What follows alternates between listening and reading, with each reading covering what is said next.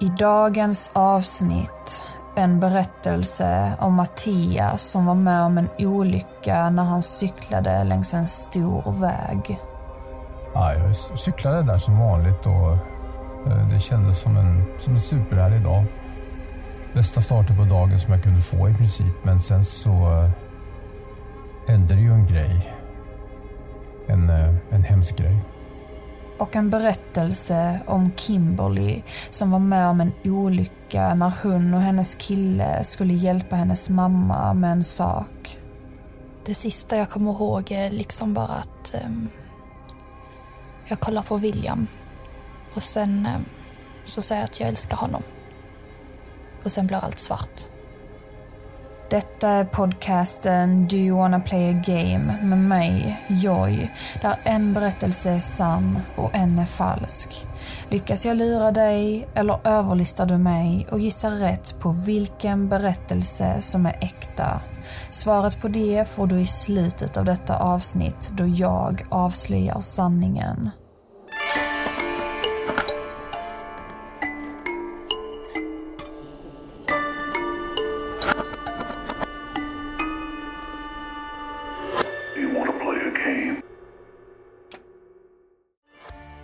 Dagens avsnitt, som jag valt att kalla När olyckan slår till, kommer du få höra två berättelser om olika olyckor som några personer varit med om.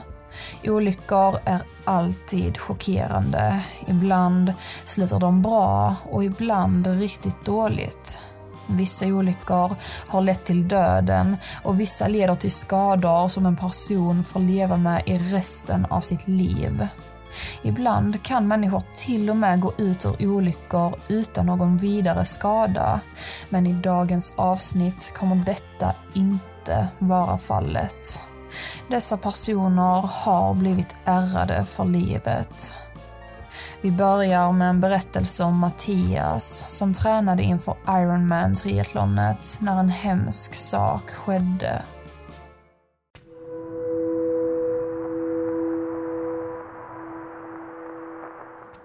En natt vaknade 53-åriga Mattias upp av ren panik.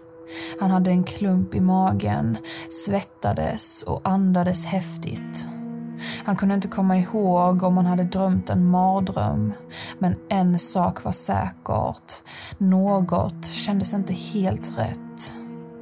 Han lyckades somna om den natten, men när han vaknade på morgonen så fanns klumpen i magen kvar. Han hade ingen aning om varför han kände på det viset. Men från den dagen gick han runt och var på spänn hela tiden. Det var som en konstant oro som låg och gnagde. Något var fel. Ja, jag... Jag vet inte riktigt. Det bara... Ja, men alltså känslan bara fanns där. Och jag fattade inte varför.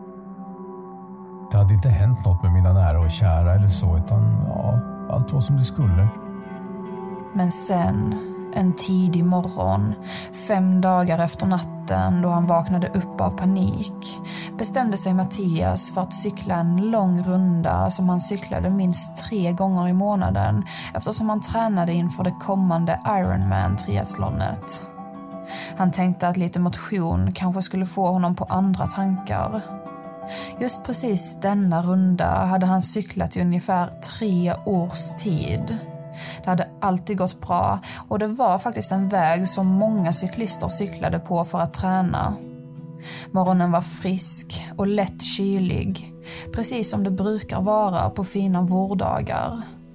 När Mattias hade cyklat i en och en halv timme var klockan runt 07.00 på morgonen och då kände han sig ovanligt pigg och stark. Det var en sån dag då man verkligen märker av att träningen har lönat sig och dessutom hade han förväntat sig att han skulle göra en sämre tid än vanligt med tanke på hans välmående. Men tvärtom, det gick jättebra och Mattias hade kommit rekordlångt på så kort tid. Det gjorde honom lycklig. Det var en känsla som han inte riktigt hade fått känna av på fem dagars tid. Ja, jag cyklade där som vanligt och Eh, det kändes som en, som en superhärlig dag. Bästa starten på dagen som jag kunde få i princip, men sen så eh, hände det ju en grej. En, eh, en hemsk grej.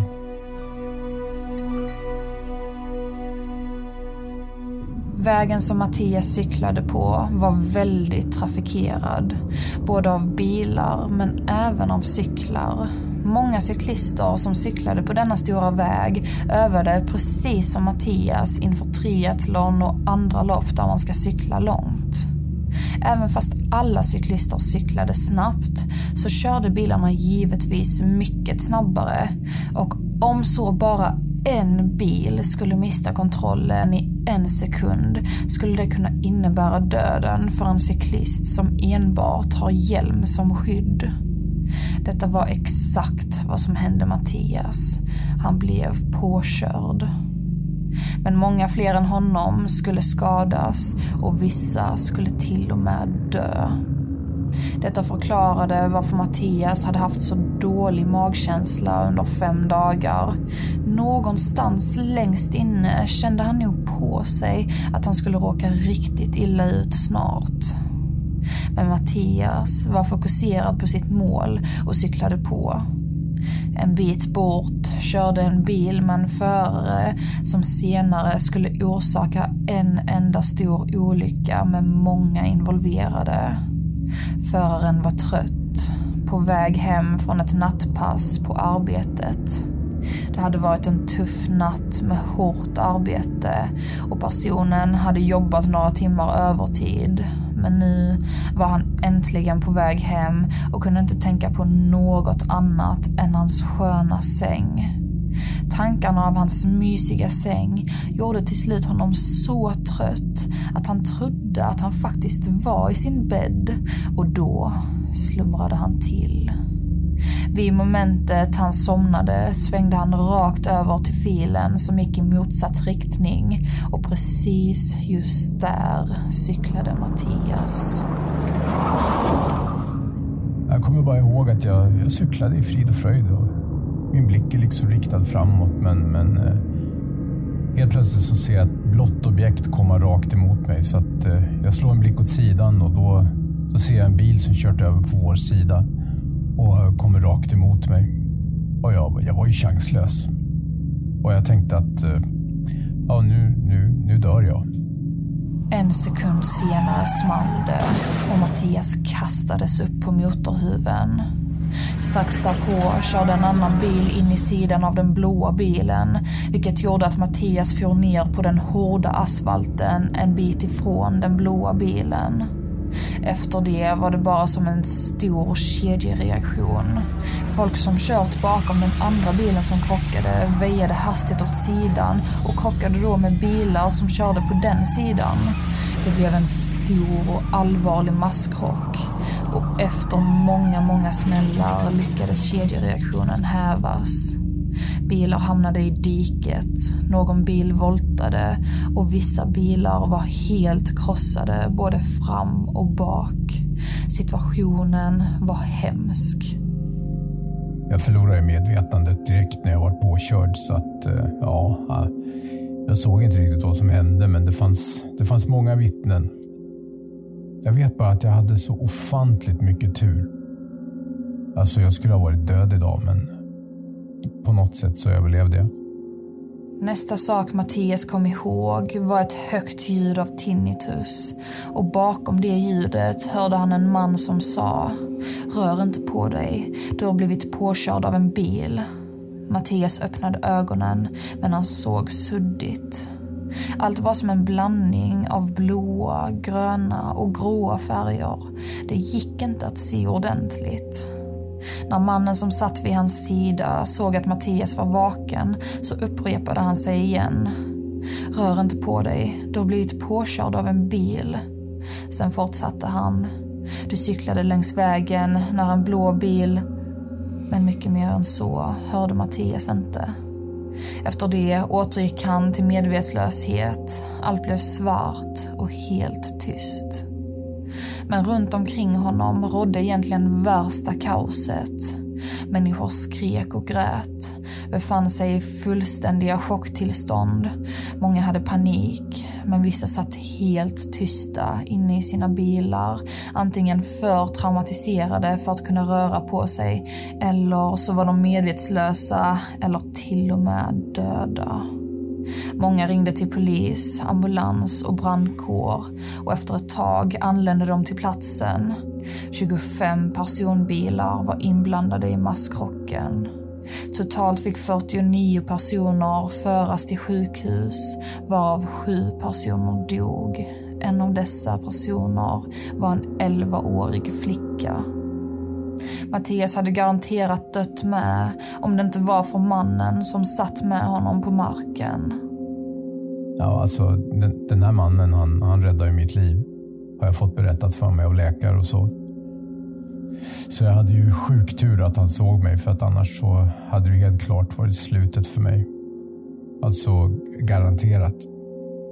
Mannen hade suttit i en bil som var väldigt nära masskrocken men som precis hann stanna och inte heller fick någon smäll bakifrån. Han hade ganska direkt fått syn på Mattias och då sprungit raka vägen fram till honom. Det mannen sen gjorde för Mattias var att han la honom i ett stabilt läge och hindrade honom från att förblöda. Tidigare hade den här mannen jobbat som läkare inom Försvarsmakten och hade erfarenhet av att ta hand om personer som var mycket skadade. Han hade alltså räddat liv förut och detta tillfälle var inget undantag. Efter en liten stund var det Mattias tur att få hjälp av ambulanspersonal. Så han lades på bår och fördes till sjukhus och behandlades enligt level 1 trauma, vilket innebär multitrauma med misstänkt skallskada. Det visade sig senare att Mattias inte hade fått någon direkt skallskada mer än en hjärnskakning. Däremot hade han en del brutna ben. Um, jag bröt sju revben och fick mitt vänstra knä ur led. Krossade skulderbladet och bröt min vänstra arm. Så jag... Och sen så hade jag även många ytliga skador, skärsår och sånt. Och blåtira, fläskläpp och så vidare. Alltså, jag var ett vrak. Mattias låg i koma i två dagar efter olyckan. När han återfick medvetandet förstod han först inte vad som hade hänt. Han låg på ett sjukhus, invirad i bandage och gips och hade slangar kopplade till hans kropp. Han var helt förlamad i vänstra sidan av hans kropp och kunde därmed inte röra på sina fingrar, lyfta på sin arm, rätta till sitt ben eller snurra på foten. Han var helt ovetandes för en liten stund, men det dröjde inte länge innan allt kom tillbaka till honom. Och när han väl kom ihåg brast han ut i gråt. Han frågade en läkare varför detta hade hänt honom medan han grät så att han knappt kunde andas. Mattias var verkligen traumatiserad och jätteledsen. En vecka senare fick han reda på att olyckan hade givit honom posttraumatisk stress, PTSD. Det var där hemma som den verkliga utmaningen påbörjades liksom. När jag blev tvungen att återgå till det normala. Men ja, inget kändes som detsamma någonsin igen. Och eh, Jag jobbar än idag med min PTSD, alltså Post Traumatic Stress Disorder. Och eh, Det går framåt, det, det gör det verkligen. Men, men fy, det här, är, det här är det värsta som har hänt i hela mitt liv.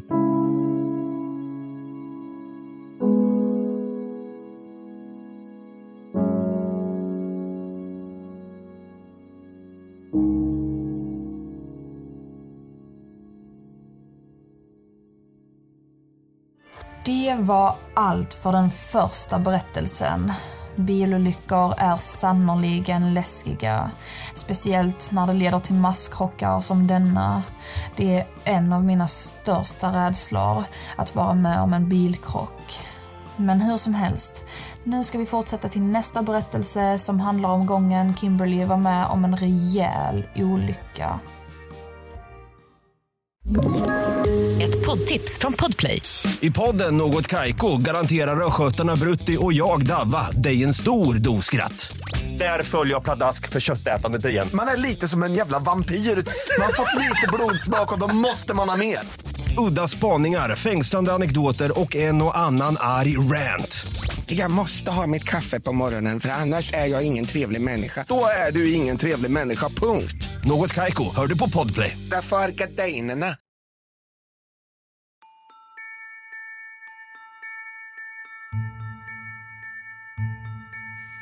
Det var en kall vinterdag. Stora snöflingor föll från himmelen och kyliga vindar ven. Men inne i alla hus var det varmt och skönt. Glad stämning rådde i de flesta husen då det var juletid. Det låg förväntan, spänning och kärlek i luften. Ja, det var den perfekta julen egentligen. Men för några personer skulle något traumatiskt ske. En olycka där en person vid namn Kimberly skulle råka mycket illa ut. Um, det var jul. Inte julafton då alltså, men um, typ två dagar innan. Och um, jag och min kille, vi skulle svänga förbi min mamma bara för att prata lite. Och eh, ja, kolla läget liksom.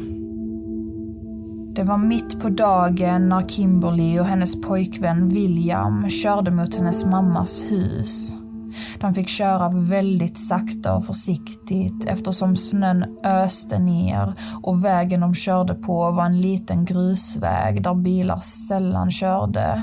Så vägunderlaget var inte det bästa. Kimberlys mamma bodde nämligen ute på landet, vilket gjorde att de var tvungna att köra på denna väg. Men de tog verkligen det försiktigt, medvetna om hur enkelt det skulle vara att glida av vägen och köra rakt ner i diket. Hade de inte varit så kloka hade det förmodligen varit nu som olyckan skulle ske. Men tiden var inte kommen riktigt än. När vi hade kommit fram till mammas hus så, mm, ja, så gick vi ur bilen och liksom sprang från bilen till mammas ytterdörr och knackade det värsta vi kunde. Mm, det var ju för att vi inte ville bli helt nersnöade och blöta och sådär. Kimberlys mamma Katja öppnade dörren och släppte in paret i hennes hus. Inne i huset var det varmt och det luktade nybakta kanelbullar. De gick in och satte sig i vardagsrummet och började prata lite och äta kanelbullarna som fortfarande var varma från deras baktid i ugnen. De kollade ut ur fönsterna och såg snön falla. Men efter ett tag så slutade snöa. Då fick Katja en idé. Ute på trädgården hade hon ett stort traktordäck som stod lutad mot dörren till hennes lada hon hade en annan ingång i ladan som hon hade använt, men den låg på andra sidan ladan och för att ta sig dit behövde hon ta sig genom buskar och snår, vilket skulle bli svårt nu när det snöat så mycket. Så Katja undrade helt enkelt om Kimberly och William kunde hjälpa henne att flytta på däcket. Och paret gick med på att hjälpa henne. Alla tre satt på sig sina ytterkläder och vandrade ut i snön.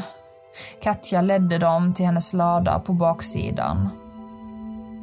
Alltså, så fort vi kom runt hörnet och såg det där gigantiska däcket så bara... Nej, men alltså vi bara nej mamma. Vi kommer inte kunna flytta på det där hjulet. Men eh, mamma hon var optimistisk som vanligt och eh, insisterade på att vi skulle försöka. Så eh, ja, då gjorde vi det med. Kimberly och William gick fram till däcket som var mycket större än båda två. Om Kimberly sträckte på sig så nådde hon precis upp till toppen av däcket och William nådde lite mer eftersom att han var längre än Kimberly. De började diskutera hur de skulle göra och kom fram till att de skulle försöka trycka däcket från väggen och sen rulla det åt sidan. Så de ställde sig i det lilla utrymmet mellan väggen och hjulet och försökte knuffa upp däcket, men det gick inte. De fick inte tillräckligt mycket med kraft och de behövde putta längre upp för att minimera svårigheten att rubba däcket. De fortsatte att diskutera och provade sedan på sig några olika tekniker, men det gick ingen vidare. Till slut så sa de till Katja att de gav upp, men Katja stod fast vid att det skulle gå. Kimberly och William förklarade att det var omöjligt och att de inte skulle kunna flytta på däcket så länge de inte fick hjälp. Då kom Katja på idén att hämta Kimberlys småbröder så att de skulle få hjälpa till. Men detta tyckte Kimberly var en dum idé. Nej, mina småbröder, som var hemma hos min pappa vid just det tillfället, var bara åtta och sex år gamla. Så ehm, nej, de hade nog inte varit till så stor hjälp. För det här däcket vägde sjukt mycket alltså. Så Kimberly och William fortsatte att försöka då de inte kunde stå emot Katjas starka vilja. De bestämde sig för att försöka sig på en teknik som de egentligen inte ville göra. De skulle ställa sig framför däcket och ta tag i det och dra det mot dem med allt de bara kunde. Tidigare hade de bara försökt putta bakifrån och från sidan eftersom att de visen utgör minst fara. Men nu skulle de dra däcket mot sig. De kom överens om att de skulle ta det väldigt, väldigt försiktigt och verkligen använda precis rätt kraft så att däcket inte skulle tippa över och landa på dem. De tog ett varsitt grepp om det enorma däcket och sen började de dra. Det gick bättre. Däcket rörde på sig, men det var väldigt tungt. Både Kimberly och William spände varenda liten muskel i kroppen och skrynklade ihop deras ansikten. De kunde inte ens andas så mycket som de tog i. Men sakta, sakta, sakta rörde däcket på sig. Problemet var att Kimberly och William inte riktigt var medvetna om när däcket hade kommit till gränsen där de inte längre behövde dra. Gränsen där de skulle behöva trycka emot så att däcket inte skulle landa på dem. De missbedömde läget och när däcket nådde den gränsen fortsatte paret att dra. Detta gjorde att Kimberly trillade baklänges och hamnade på marken samtidigt som William också snubblade till lite, men han hann återfå balansen igen. Men det var dock förgäves. Däcket var nu på väg mot paret. Det som de fruktade skulle hända, hände. Däcket tippade över och var på väg mot dem. I en millisekund försökte William trycka tillbaka däcket, men han hade ingen chans. Däcket föll till marken där Kimberly låg samtidigt som det tryckte ner William med sig. Alltså den smärtan och paniken som kommer när, när liksom ett däck på hundratals kilo landar på en. Ja, alltså det... Nej, jag kan inte ens förklara den smärtan. Rent fysiskt och psykiskt. William fick omedelbart en stark överlevnadsinstinkt som sa till honom att ta sig bort från däcket. Han tänkte inte alls på konsekvenserna som kom med det. Han låg med ett ben och en arm utanför och lyckades på något vis dra sig ut från under däcket. Dessvärre gjorde detta så att Kimberly fick ännu mer tyngd på sig och därmed kunde hon inte röra en enda fena. Kimberly började gråta och skrika av ren smärta och panik. Hon kunde knappt andas och när hon nu befann sig i ett fullständigt chocktillstånd blev det ännu svårare. William kastade sig ner på marken bredvid hennes ansikte och försökte sitt bästa för att lugna ner henne samtidigt som hennes mamma ringde ambulansen. Ambulansen sa till Katja att försöka hitta något som kanske skulle kunna gå att putta upp däcket med medan ambulansen begav sig mot hennes hus. Det sista jag kommer ihåg är liksom bara att um, jag kollar på William och sen um, så säger jag att jag älskar honom. Och sen blir allt svart. Kimberly förlorade medvetandet. Detta fick William att återfå sin panik. Han skrek och grät och bad till Gud.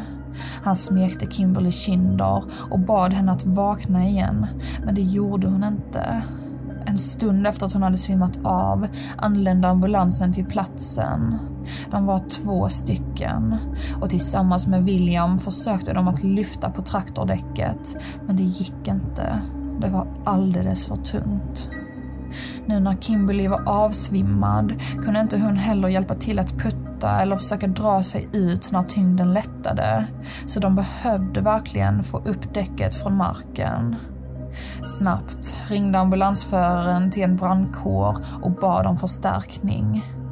Ytterligare en stund senare befann sig fler personer på plats.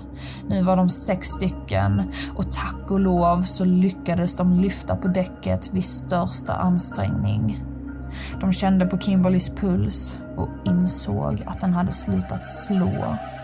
Snabbt satte sig ambulanssjuksköterskan vid hennes sida och påbörjade hjärt och lungräddning. Efter en runda med kompressioner återfick Kimberly sin puls, men hon var fortfarande medvetslös. Då bar ambulanspersonalen snabbt henne till ambulansen och påbörjade sin färd till sjukhuset. Det är inte riktigt någon som vet hur länge jag inte hade puls, men eh, jag hamnade i koma i åtta dagar efter det här. Så, um, och eh, jag var väldigt svag när jag vaknade. Jag kunde inte ens lyfta min arm själv liksom. Men Kimberly hade tur. Hon hade kunnat dö vid denna olycka. Läkarna tror i alla fall att det var väldigt nära. Så Kimberly hade änglavakt den dagen.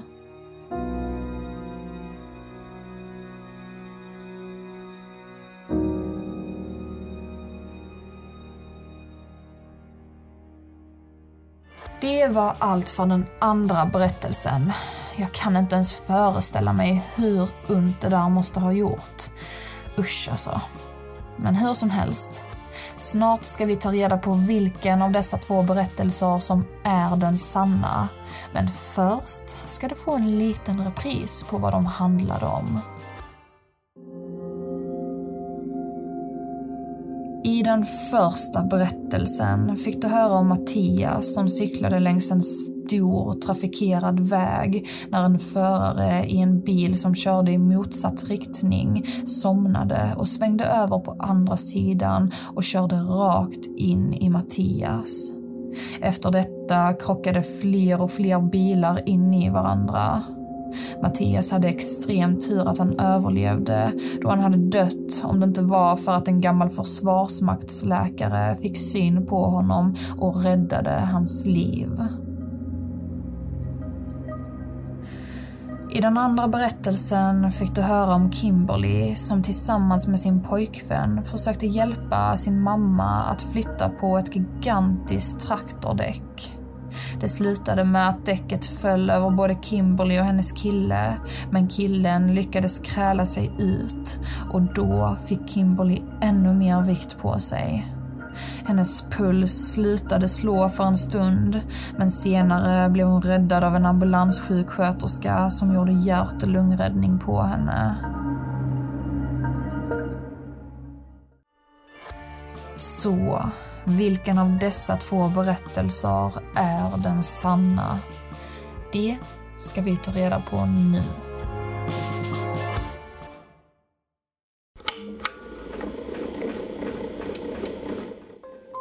Hej, jag heter Linnea och jag har varit röstskådespelare till Kimberly. Och denna berättelsen är sann. Berättelsen om Kimberly är alltså helt sann. Personligen så trodde jag inte att man kunde klara av att få en så stor vikt pressad ovanpå sig. Men Kimberly, hon hade verkligen tur. Om du vill se bilder relaterade till denna berättelse och läsa lite extra om allt kan du följa min Instagram, Do you want to play a game podcast. Där kommer det komma upp mer om Kimberly. Detta innebär att berättelsen om Mattias lyckligtvis är falsk. Men som vanligt är det ju inte en hemlighet att masskrockar sker. Ibland blir människor rejält skadade och ibland inte.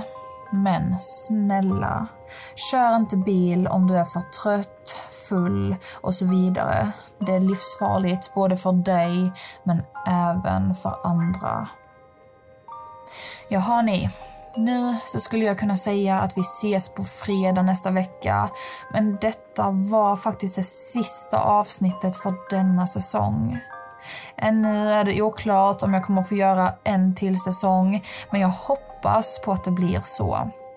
Passa på att skriva en recension där ni önskar ännu en säsong om ni vill ha fler avsnitt i framtiden och berätta jättegärna om denna podcast till en person som du tror skulle gilla den. Det skulle betyda jättemycket för mig och även hjälpa mig att dra igång ännu en säsong. För er som inte kan få nog är det bara att kika in på min YouTube-kanal Joy där jag berättar en massa skräckrelaterade berättelser med mera. Men vi hörs när vi hörs. Tack till alla som har lyssnat på denna säsong av Do You Wanna Play A Game. Ni är bäst.